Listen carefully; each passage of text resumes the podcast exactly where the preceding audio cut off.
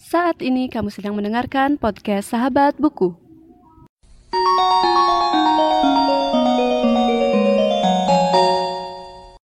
Sebelum mendengarkan episode kali ini, jangan lupa follow podcast Sahabat Buku di Instagram di @podcastsahabatbuku. Selamat mendengarkan.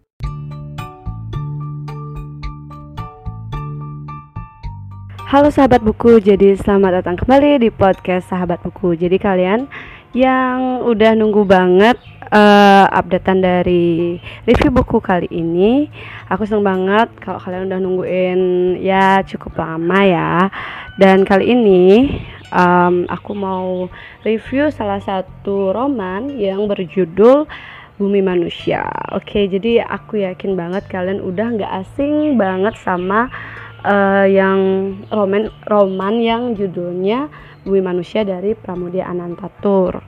Jadi kali ini aku mau ngasih sedikit review tentang buku ini karena aku baru aja selesai baca bukunya.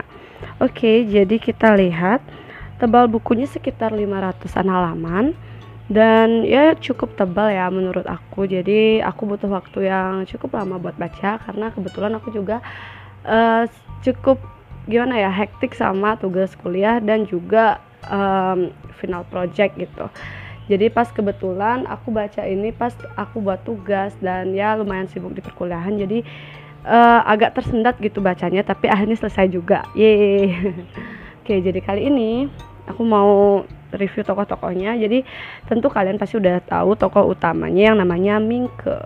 Jadi Mingke ini seorang ya bisa dibilang adalah tokoh utama dari novel ini.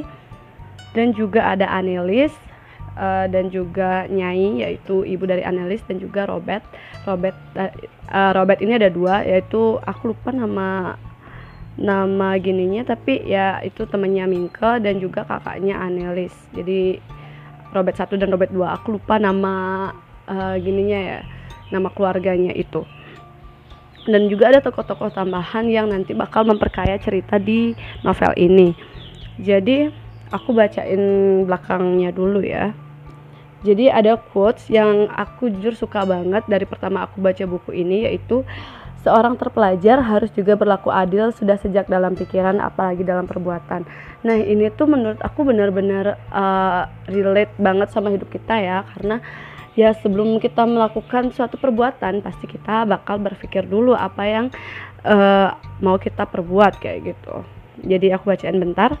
Roman tetralogi buru mengambil latar belakang dan cikal bakal nation Indonesia di awal abad ke-20. Dengan membacanya, waktu kita dibalikkan sedemikian rupa dan hidup di di era membibitnya pergerakan nasional mula-mula, juga pertautan rasa, kegamangan jiwa, percintaan dan pertarungan kekuatan anonim para Sri Kandi yang mengawal persemaian bangunan nasional yang kemudian kelak melahirkan Indonesia modern. Roman bagian pertama Bumi Manusia sebagai periode penyemaian dan kegelisahan di mana Mingke sebagai aktor sekaligus kreator adalah manusia berdarah priai yang semampu mungkin keluar dari kepompong kejawaan menuju Indonesia yang menuju manusia yang bebas dan merdeka. Di sudut lain, membelah jiwa keeropaan yang menjadi simbol kiblat dari ketinggian pengetahuan dan peradaban. Pram menggambarkan sebuah adegan antara Mingke dengan ayahnya yang sangat sentimental.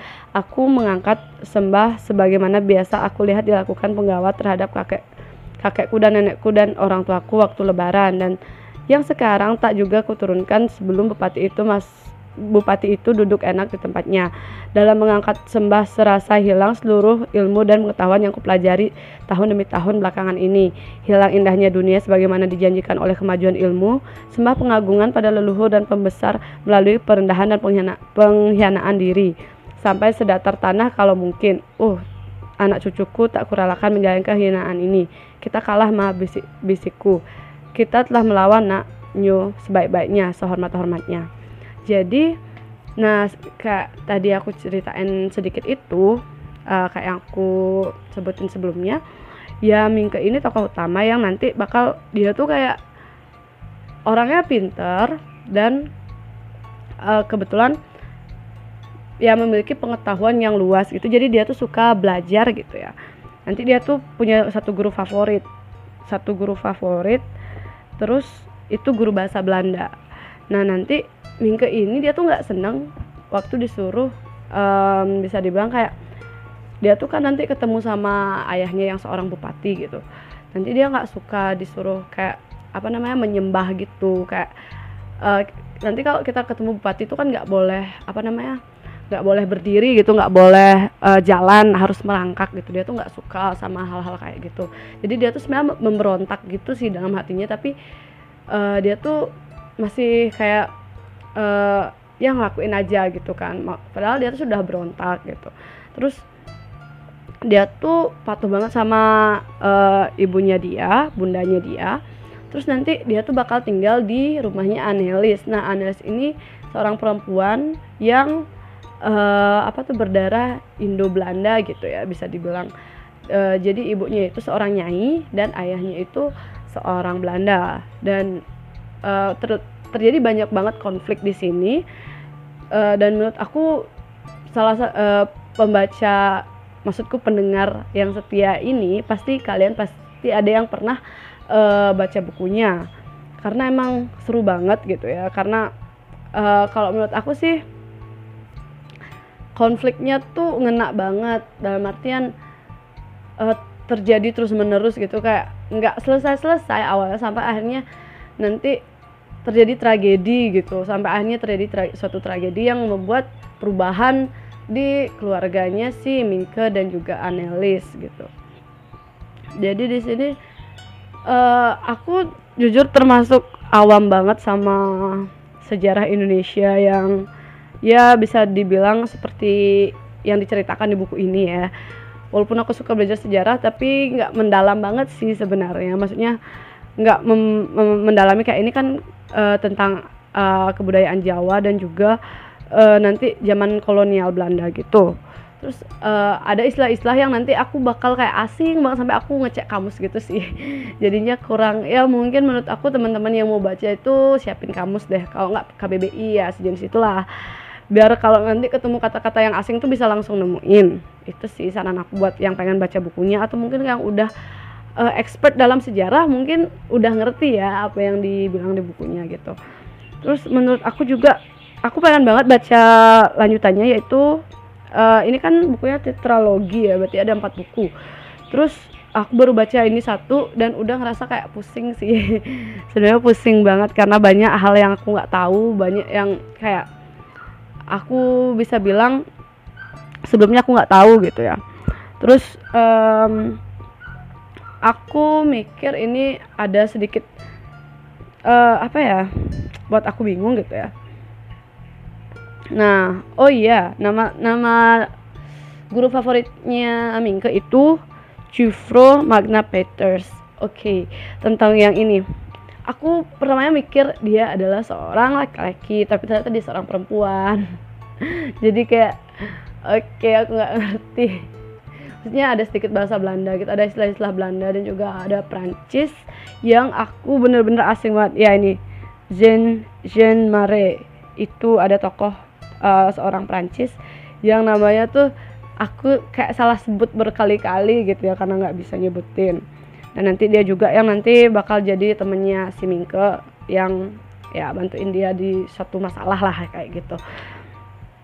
Jadi uh, novel uh, romannya cukup hmm, bisa dibilang berat karena gimana ya aku nggak biasa baca buku yang berat-berat lah gitu. Maksudnya cerita buku buku cerita yang berat gitu.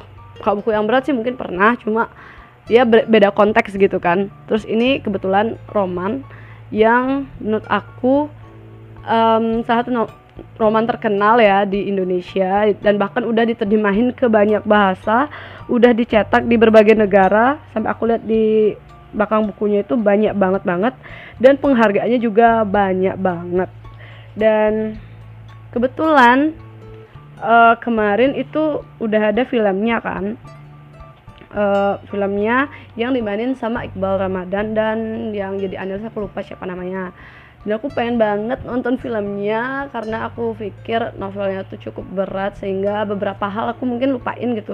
Terus aku mau uh, coba nonton filmnya kali aja dia ya sejenis lah sama novelnya. Walaupun yang pasti kita kalau udah bandingin novel sama film itu pasti ya di film nggak bakal selengkap di novel kayak gitu. Tapi paling nggak ya garis besarnya tau lah kayak gitu loh.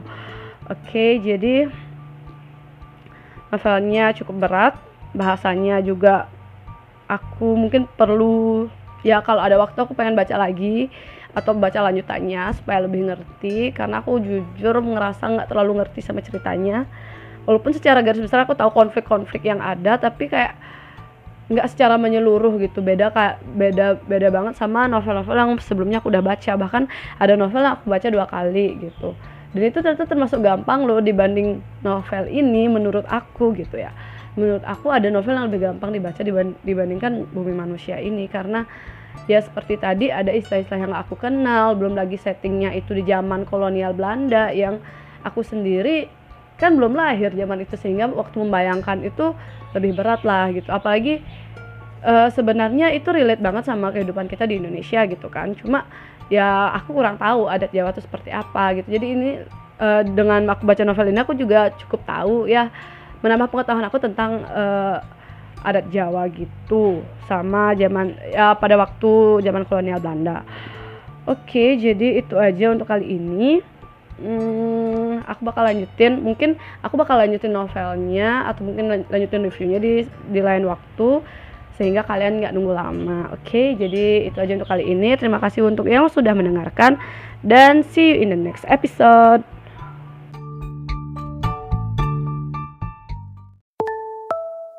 Terima kasih sudah mendengarkan podcast Sahabat Buku. Bagi pengguna Spotify, jangan lupa follow. Dan pengguna Apple Podcast, jangan lupa subscribe supaya bisa mendengarkan semua episode baru dari podcast Sahabat Buku. See you in the next episode.